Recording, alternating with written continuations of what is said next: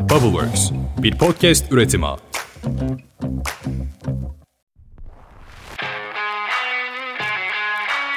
Evet sevgili dinleyiciler Good Innovation Podcast kanalından herkese yeniden selamlar.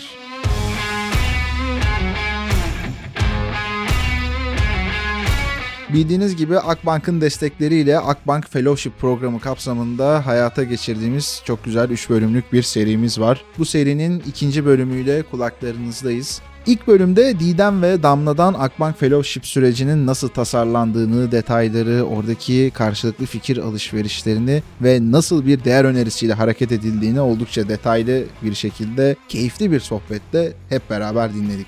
Bu iki bölümde de takımları ağırlıyoruz. Şu an dinlemekte olduğunuz bölümde ilk önce takım 1, ardından takım 2, bir sonraki bölümde ise takım 3 ve takım 4'ten katılımcılarımız olacak. Cevapları da bu sırayla dinleyeceksiniz. Biz sizler için soruları tekrar bir derleyip toparlayıp ayrıca sorduk. Ama sohbet akışında da hem yine benim yorumlarımı hem de katılımcılarımızın vermiş olduğu cevapları dinleyeceksiniz. Bu bölümde takım 1'den İlayda Küçük Afacan ile Gülen Mine Demiralp Takım 2'den ise Burak Değirmencioğlu ile Bünyamin Soyu Güzel bizimle birlikte. İsterseniz bölüme doğru geçelim ve konuklarımızı tanımaya başlayalım. Buyurunuz.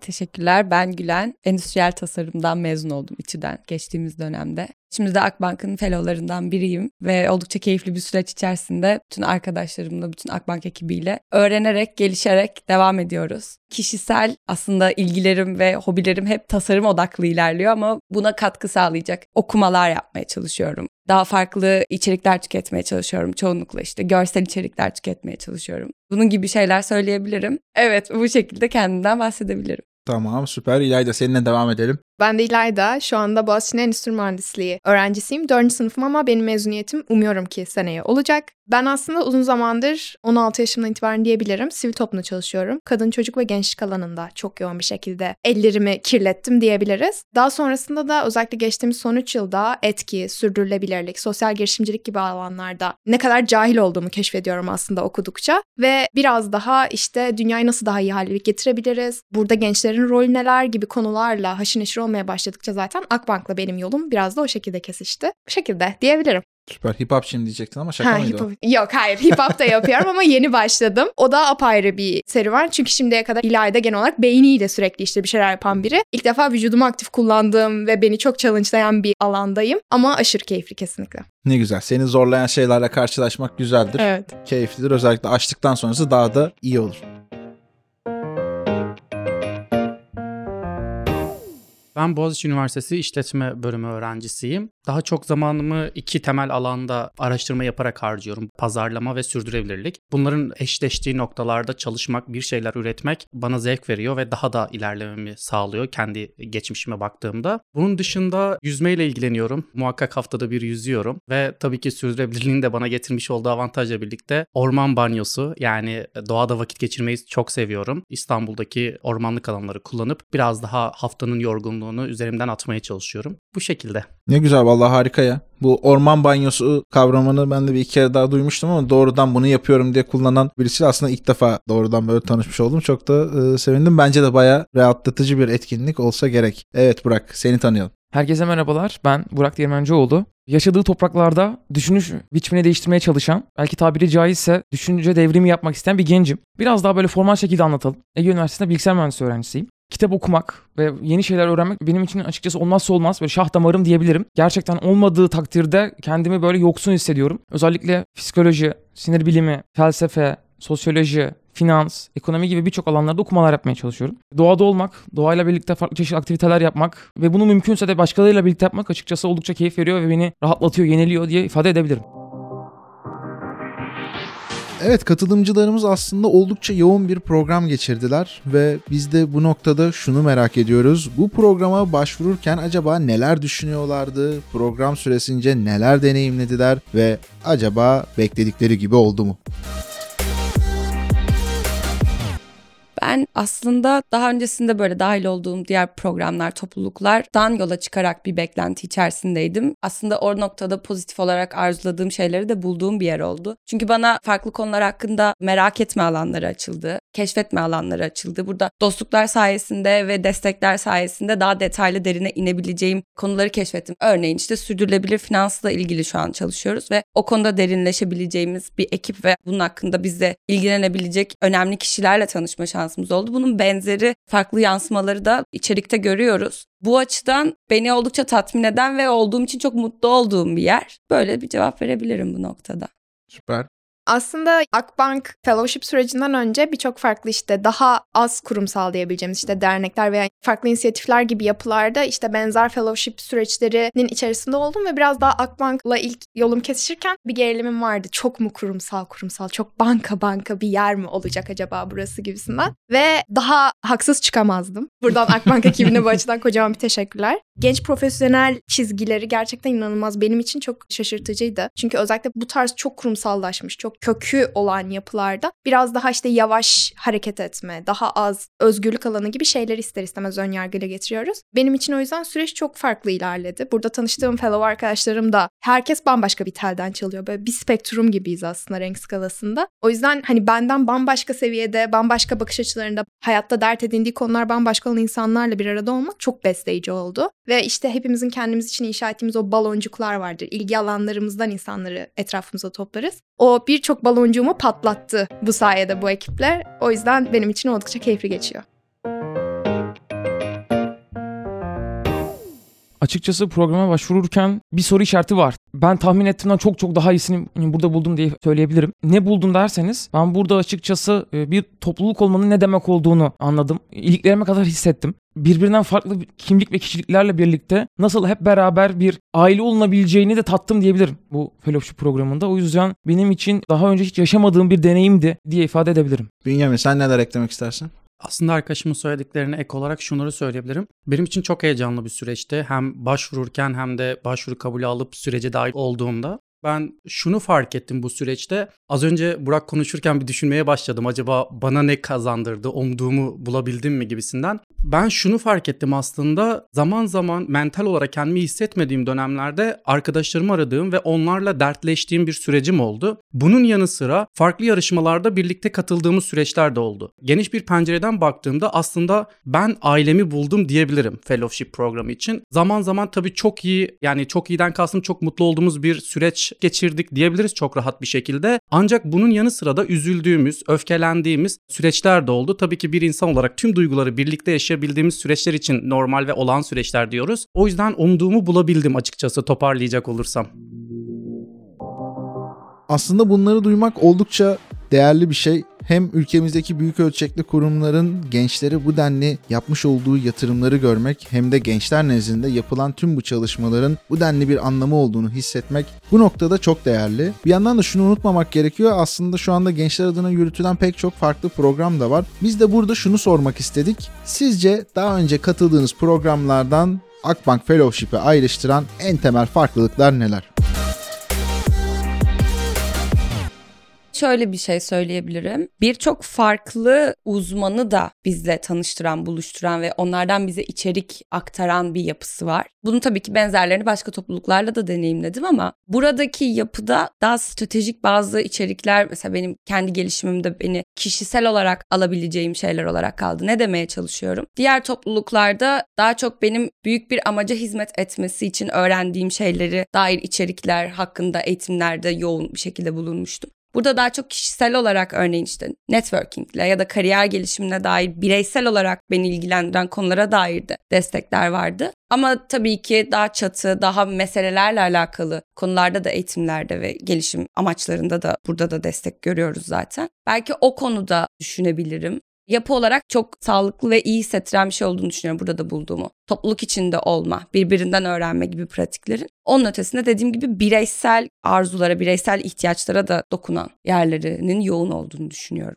Süper. İlayda sen neler eklemek istersin? Akbank Fellowship'in benim için en büyük fark yaratan noktası günün sonunda çok farklı dikeylerde eğitim aldık. İşte sadece girişimcilik veya işte sadece iletişim, strateji gibi dikeylerde değil birçok farklı şeyi bir araya getiren bir program vardı ve program çok güzel yapılandırılmış. Yani başka veya işte benzer yapılarda biraz daha sürecin içerisinde kaybolma ihtimali olabiliyor kişilerin veyahut da şu an neredeydik, nereye gidiyorduk, ne yapıyorduk. Ama Akbank'ta biraz daha o büyük resmi sürekli hatırlıyoruz. Evet işte şurada sürece başladık, şimdi burasındayız, şuraya doğru gidiyoruz gibisinden. O açıdan bence çok değerli. Bir de mış gibi yapmadığımızı çok hissediyorum burada. Yani bir konusunda uzman biri geldiğinde gerçekten politik doğrucu olmak zorunda kalmadan ben o kişiye bir şeyler sorabilecek kadar güvende hissediyorum bu toplumun içerisinde. Hani şey gibi gelmiyor işte Akbank Fellowship'teki arkadaşlarla da bir araya geldik de ama onlar da şöyle şöyle dediler gibi bir imaj kaygısı da gütmüyorum. Gerçekten benim aklımdaki soru buysa bunu burada ifade edebilirim gibi güvenli bir alan var burada. Ben küçük bir şey eklemek istiyorum İlayda'nın söylediğine. Çünkü bu çok haklı bir yere değindim bence. Bu zemini bize çok net hissettirdiler. Yani böyle bir alanınız var. İçinizden geçenleri de aktarmanız gerekiyor. Hatta bunu net bir şekilde aktarmanız şöyle gerekiyor ki hepimiz gelişebilelim. Siz de gelişebilin. Bu güveni verme konusunda da çok pozitifti. Ki bu bu kadar kurumsal bir yerde sanki rastlamayacağımız gibi görünen bir şeyken bize bu sağlandığı için çok olumlu bir yön bu bence de.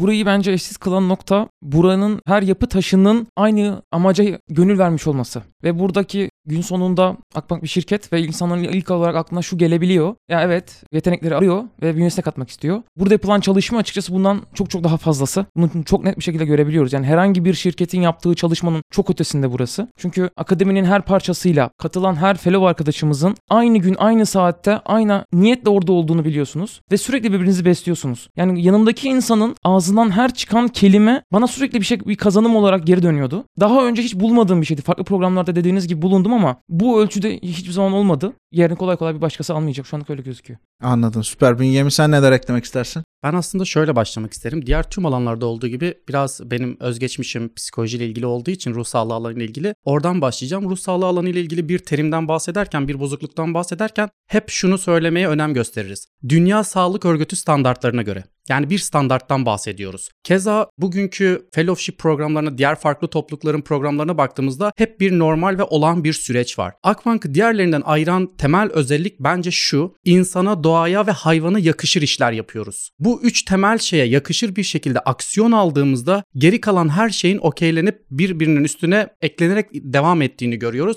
ve bu bana inanılmaz bir haz veriyor. Çünkü günün sonunda varacağımız noktaya geldiğimizde evet merhametli, şefkatli bir şekilde bu yola gelebildik diyebiliyoruz. Çünkü yani bugün bir bilgisayar becerisini, bir dil öğrenmeyi bunların hepsini bir noktadan bir noktaya kadar yapabiliyoruz ki Akbank Fellowship programında da bu kısımları alıyoruz, teknik kısımları. Ama önemli olan bu teknik kısımları diğer bir kısımla birleştirebilmek. Bu programın bence en büyük avantajı benim için ve benim arkadaşlarım için burası. Yani iki yönlü olarak ilerliyoruz. Sadece tek yönlü olarak ilerlemiyoruz ve bu inanılmaz bir deneyim. Yani daha önce birçok farklı kurum kuruluşta, toplulukta bulundum. Hem bir yönetim ekibinde hem de normal bir üye olarak bulundum. Akbank Fellowship çok ayrı.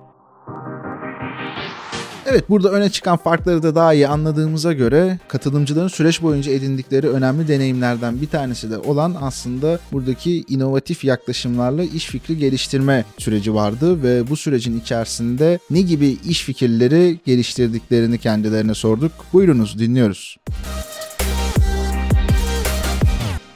bizim takım bir olarak aslında ortaya koyduğumuz değer Decarboning ekibi olarak aslında biz sürdürülebilir finans alanında çalışıyoruz ve sürdürülebilir finans tanımını biz karbonsuz ekonomiye geçişi nasıl rahatlatacak finansman kaynaklarıyla bu konuyu dert edinmiş girişimler veya işte bu konuda potansiyeli olan kobileri bir araya getirebiliriz sorgusu oldu. Buradan yola çıktık ve şu anda hali hazırda iki faz şeklinde biz iş modelimizi inşa ettik. Faz 1'de özellikle agritech, climate tech, edtech gibi teknoloji odaklı ve bu karbonsuz ekonomiye geçişte kilit rol oynayacak girişimleri, onların özellikle ilk etapta ihtiyaç duydukları büyük ölçekli yatırımları, yatırımlarla bu konuda özellikle ESG ve yeşil mutabakat standartları kapsamında finansman sağlamayı isteyen kurumları bir araya getirmek ve arada gerçekten bir çevirmenlik rolü üstlenmek. Yani siz işte şöyle bir değer yaratıyorsunuz, şöyle bir finansmanla siz bir araya getirelim deyip aslında iki tarafı bir araya getiren bir köprü görevi kuruyoruz. Faz 2'de de bunu Türkiye'nin çok büyük potansiyeli olduğunu fark ettiğimiz COBİ'ler için yapıyoruz. Yani özellikle Avrupa'ya ürün ve hizmet sağlayan COBİ'ler sektörlerle onlara şu anda artık yeni yeni çok keskinleşmeye başlayan regülasyonlar için iş modellerini onlar nasıl değiştirebilirler, nasıl dönüşebilirler ve bu konuda finansman sağlayan işte özellikle bankalardaki fonlara nasıl erişebilirler, oradaki işte iş modellerini nasıl güncellemeleri gerekiyor, hangi sayıları, hangi istatistikleri ortaya koymalılar ki bu finansmanlara erişebilsinler. Biraz daha bu iki sorun ve hani acı noktası üzerine odaklandık diyebilirim.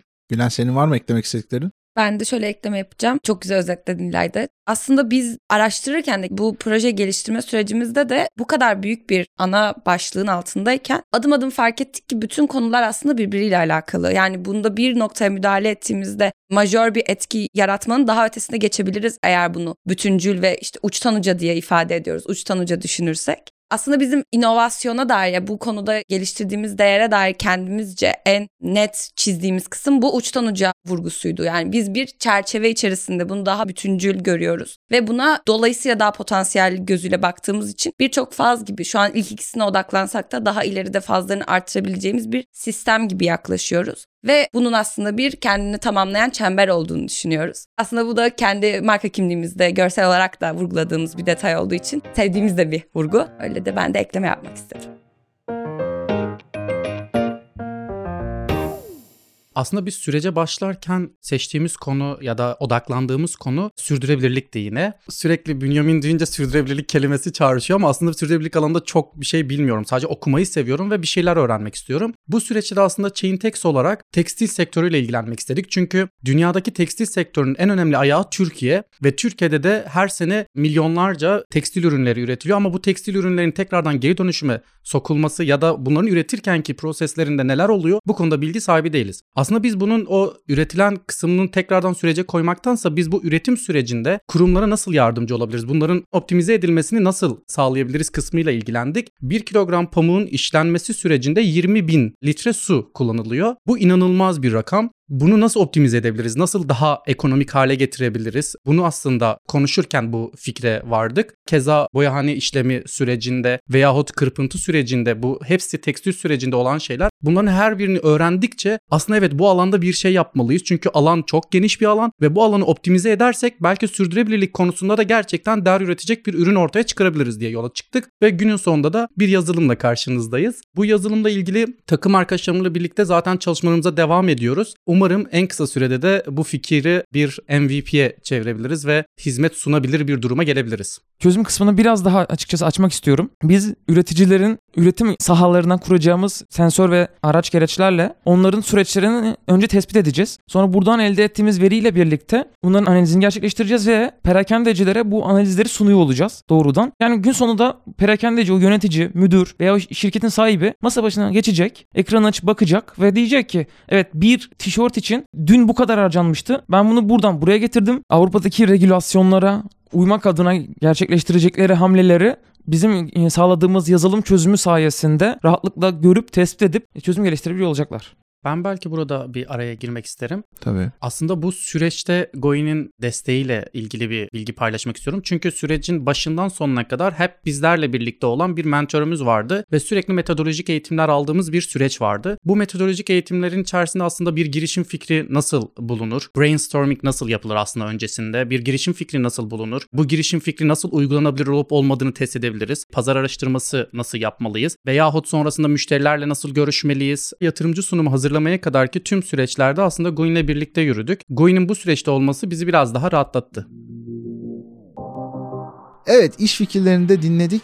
Bence özellikle üniversite çağlarında veya kariyerine yeni başlarken inovatif yaklaşımlarla, yalın girişimle, lean startup'la böyle bir girişimi hayata geçirme deneyimini yaşamak ve öğrenmenin ötesinde de aslında bunu gerçek anlamda deneyimliyor olmak oldukça anlamlı bir şey. Bu hayatımızda da bir şeyleri değiştiren yerlere doğru bizleri götürebiliyor. Biz de bu noktada katılımcılarımızda acaba ne gibi değişimler oldu? Bundan sonrasında hayatlarında neyi daha farklı yapacaklar ve onların gelişimine nasıl katkılar sağladı? Bunları sorduk. Şimdi cevapları dinliyoruz.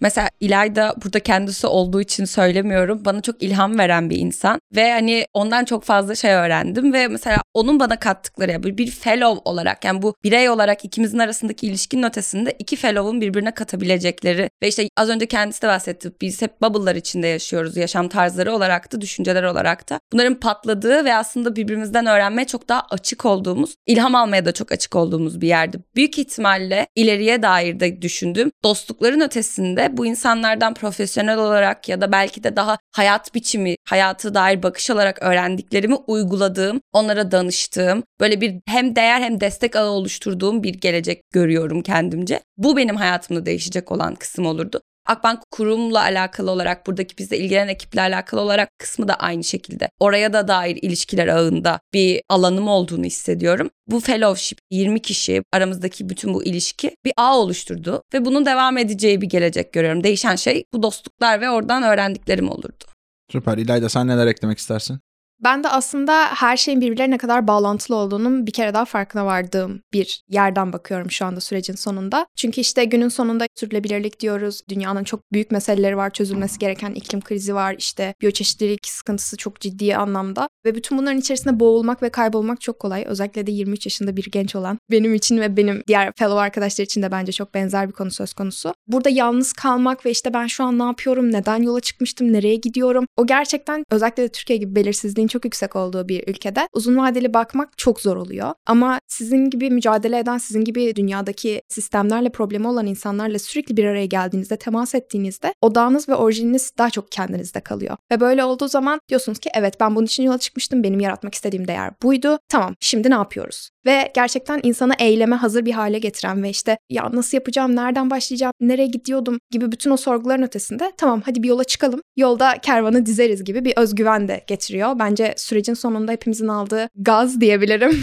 evet, evet aynen Buradan öyle. geliyor. Evet kesinlikle. Ben yine bir şey eklemek istiyorum. Daha bu sabah konuştuk. Aslında benzer bir mesele olan insanları anlamaya dair. İlayda ve benim ve işte arkadaşlarımızın da hep birlikte ne kadar farklı yerlerden bakıp aslında ortak bir meseleye ne kadar çok çehre tanımlayabileceği aslında burada bir heyecanlandıran kısımlardan biri. Bu noktada da dediğine çok katılıyorum. Ben kendim olarak ne masaya koyabilirim, kimden ne öğrenebilirimin açık ve net görüldüğü bir şey oldu. O şekilde düşünüyorum.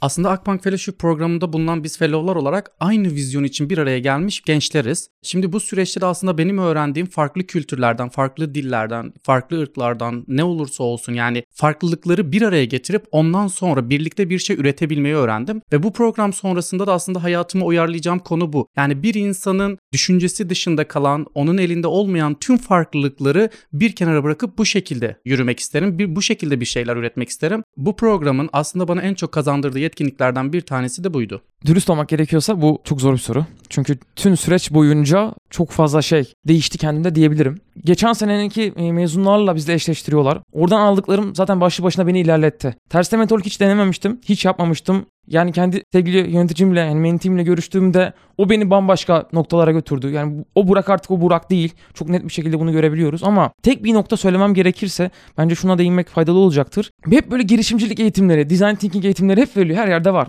Yani artık bir bilgiye ulaşmak çok kolay. Ama onu gerçeğe dönüştürmek, işte öğrenmek ve onu artık içselleştirmek için birebir oluyor. Bu noktada da Goin ile birlikte yapılan bu modülün beni girişimcilik ve bakış açısım ve yetkinliklerimi kat ve kat ileriye götürdüğünü ifade edebilirim. Ve geldik bölümün sonuna. Burada bizi dinleyenler arasında belki de önümüzdeki yılın Akbank Fellowship katılımcıları olduğunu da düşünerek sizleri başvuru sürecinde destekleyecek tiyolarla buluşturmak adına katılımcılarımıza gelecek sene bu programa başvuracak kişiler için neler tavsiye ettiklerini sorduk.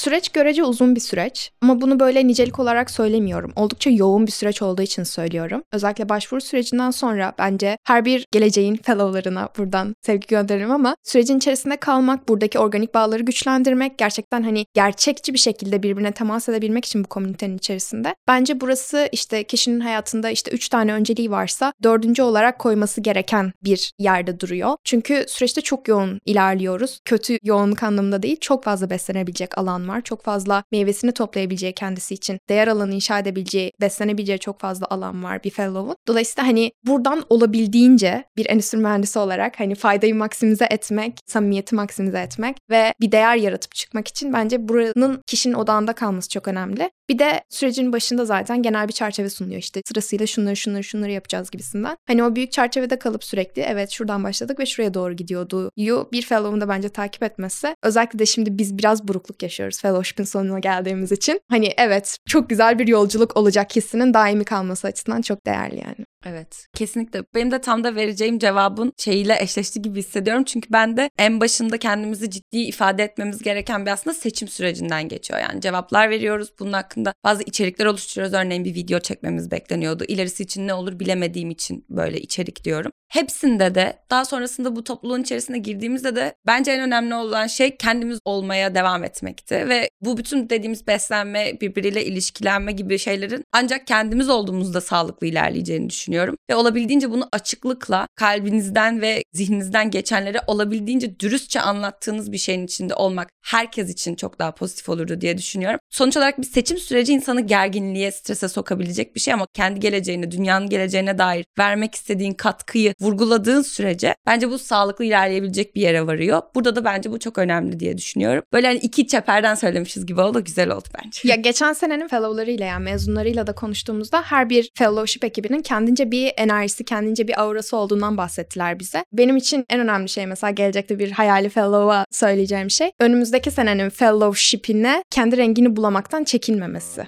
Böylece çok güzel bir büyük resmimiz olur diye Evet, düşünüyorum. çok güzel. Şans faktörü kıymetli bir faktör ve beni almazlar demeyin. Sizi almazlarsa kimi alacaklar? İnanılmaz sağlam CV'leri olmanıza ya da böyle halihazırda dünyayı, Türkiye'yi kurtarmış olmanıza gerek yok. Burada biraz daha size bakıyorlar. Sizin potansiyelinize, ne katabileceğinize, enerjinize odaklanılıyor. Bu yüzden kesinlikle başvurun. Kesinlikle şansınızı deneyin ve pes etmeyin. Buna ek olarak da böyle birkaç püf nokta verirsek, direkt anahtar kelime de vermek gerekirse bence en önemli kısım şu. Hayatta edindiğimiz dertler Neyi çözmek istiyorsunuz? Elinizde bir sil değnek var. Bir sorunu çözmeniz isteniyor. Hangi sorunu çözersiniz? Bunu çok iyi tespit edin ve bunu başvuru sürecinde çok iyi yedirin. Bunun dışında zaten e, mücadele, cesaret, farklılıklara saygı gibi birçok aslında kıymetli ana başlık var diyebilirim. Süper Bünyamin son söz sende. Sen neler eklemek istersin?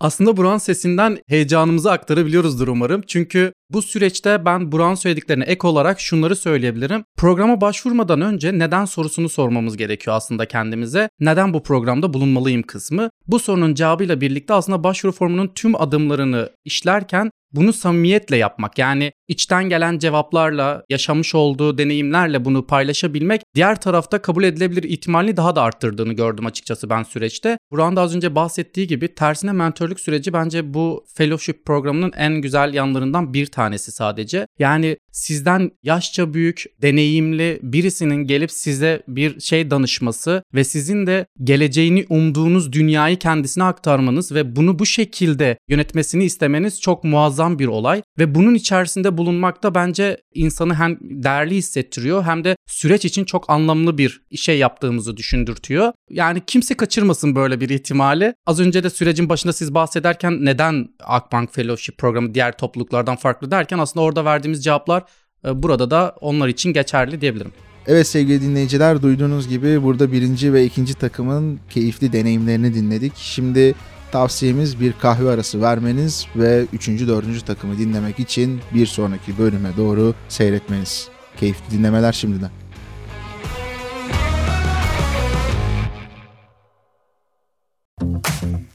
Bubbleworks bir podcast üretimi.